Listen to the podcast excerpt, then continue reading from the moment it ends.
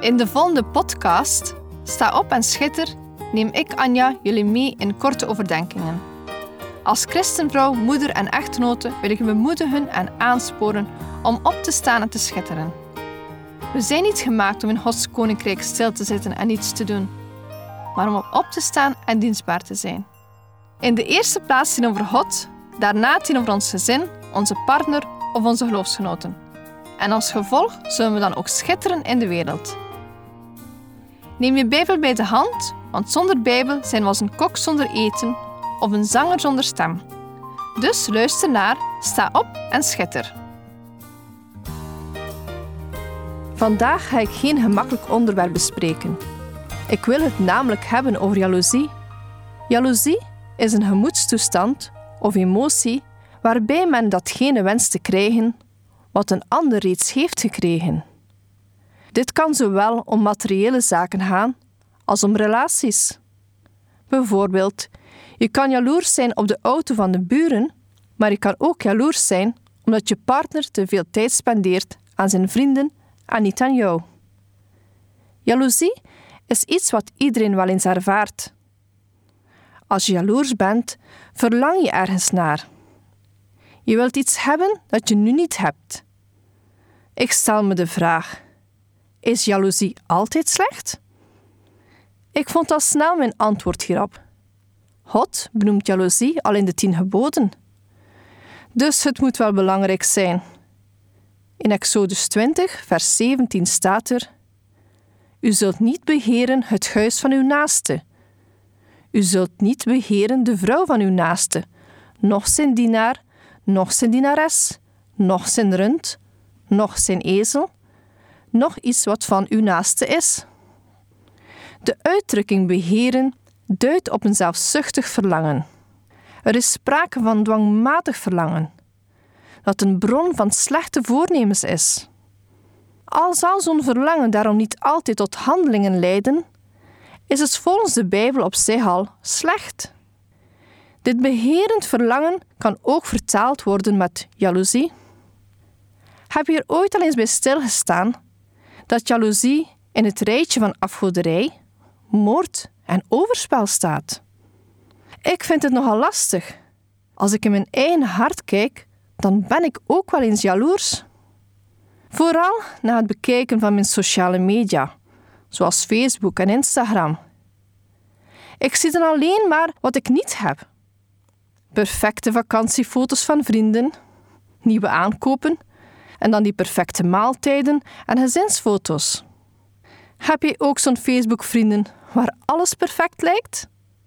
Het zien van dit alles op mijn Facebook brengt bij mij wel eens jaloezie naar boven. Niet altijd in de zin van dit wil ik nu hebben. Maar eigenlijk heeft het bij mij een ander gevolg. Mijn jaloezie uit zich soms in onzekerheid, twijfels en negatieve gedachten over mezelf. Gedachten als: doe ik iets mis in het leven? Want bij mij loopt niet alles zo vlot. Herkenbaar? Ik was deze week Psalm 37 aan het bestuderen en zag dat David ook al sprak over jaloezie. Hij gebruikte daar het woordje benijd. Ik ga een aantal versen uit Psalm 37 lezen. Ik start met de versen 1 en 2. Ontsteek niet in woede over de kwaaddoeners. Benijd niet wie onrecht doen. Want als gras zullen zij snel verdorren. Als groene grasscheutjes zullen zij verwelken. Vers 7b, daar staat er: Ontsteek niet in woede over hem wiens weg overspoedig is, over een man die listige plannen uitvoert. En vers 35 staat er: Ik heb een gewelddadige goddeloze gezien, die zich wijd vertakte als een bladerrijke inheemse boom. Bij het lezen van deze versen denk ik aan het spreekwoord: Bij de buren is het gras altijd groener.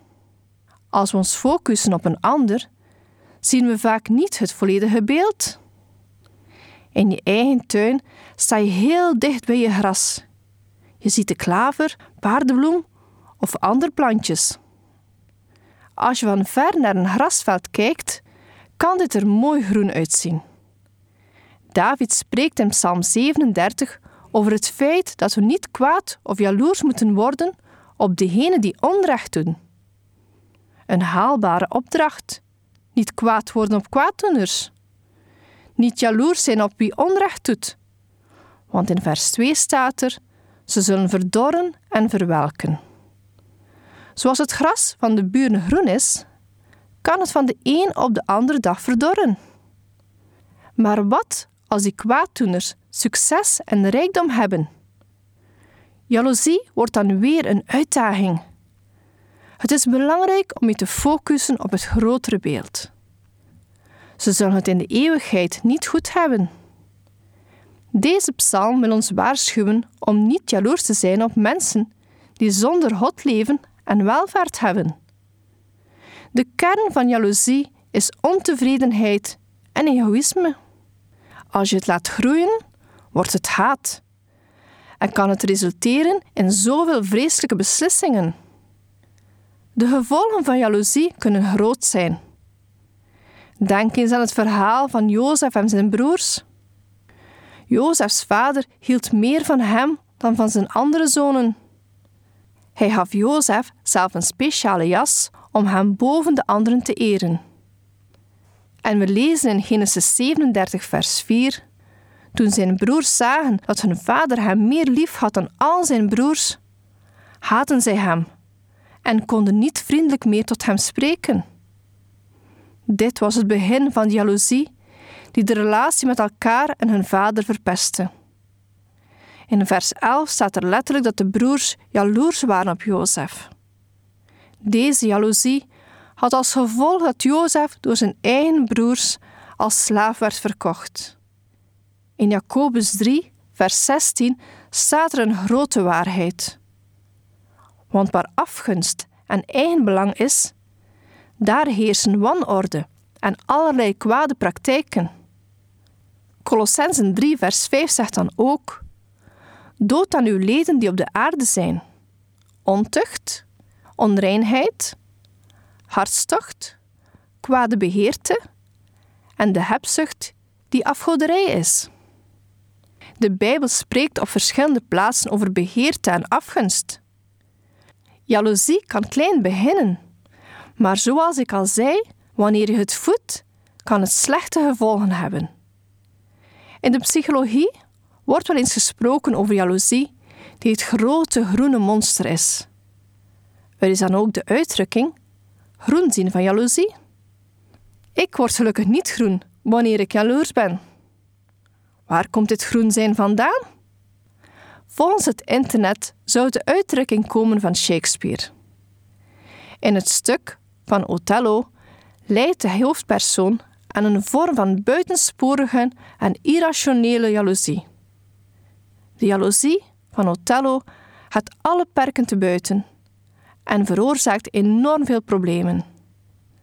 Uiteindelijk leidt de jaloezie tot de dood van zijn geliefde Desdemona.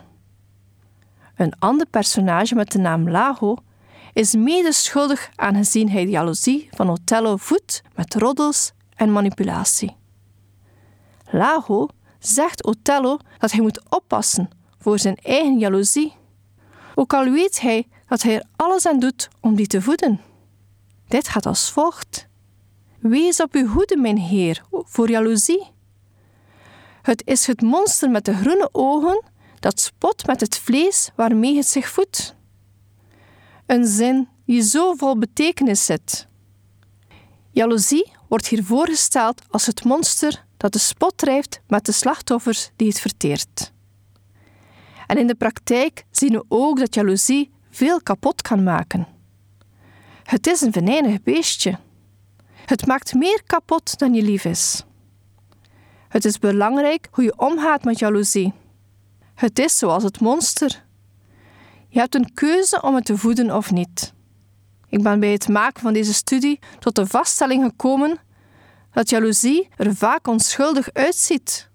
Maar als het wortel krijgt en je voedt het, kan het effectief een zeer groot groen monster worden. Een monster die je dingen laat zeggen en doen die je achteraf niet kan terugdraaien. Ik wil ook nog even terugkomen bij het spreekwoord Bij de buren is het gras altijd groener. De Griekse dichter Ovidius zei het ruim 2000 jaar geleden anders. Hij zei: Andermans akker is vruchtbaarder en de koeien van de buren geven meer melk dan de onze. Je leven vergelijken met een ander is vaak een tweede natuur. Het zit in ons. We zijn erop gericht en proberen op die manier ons leven beter te maken.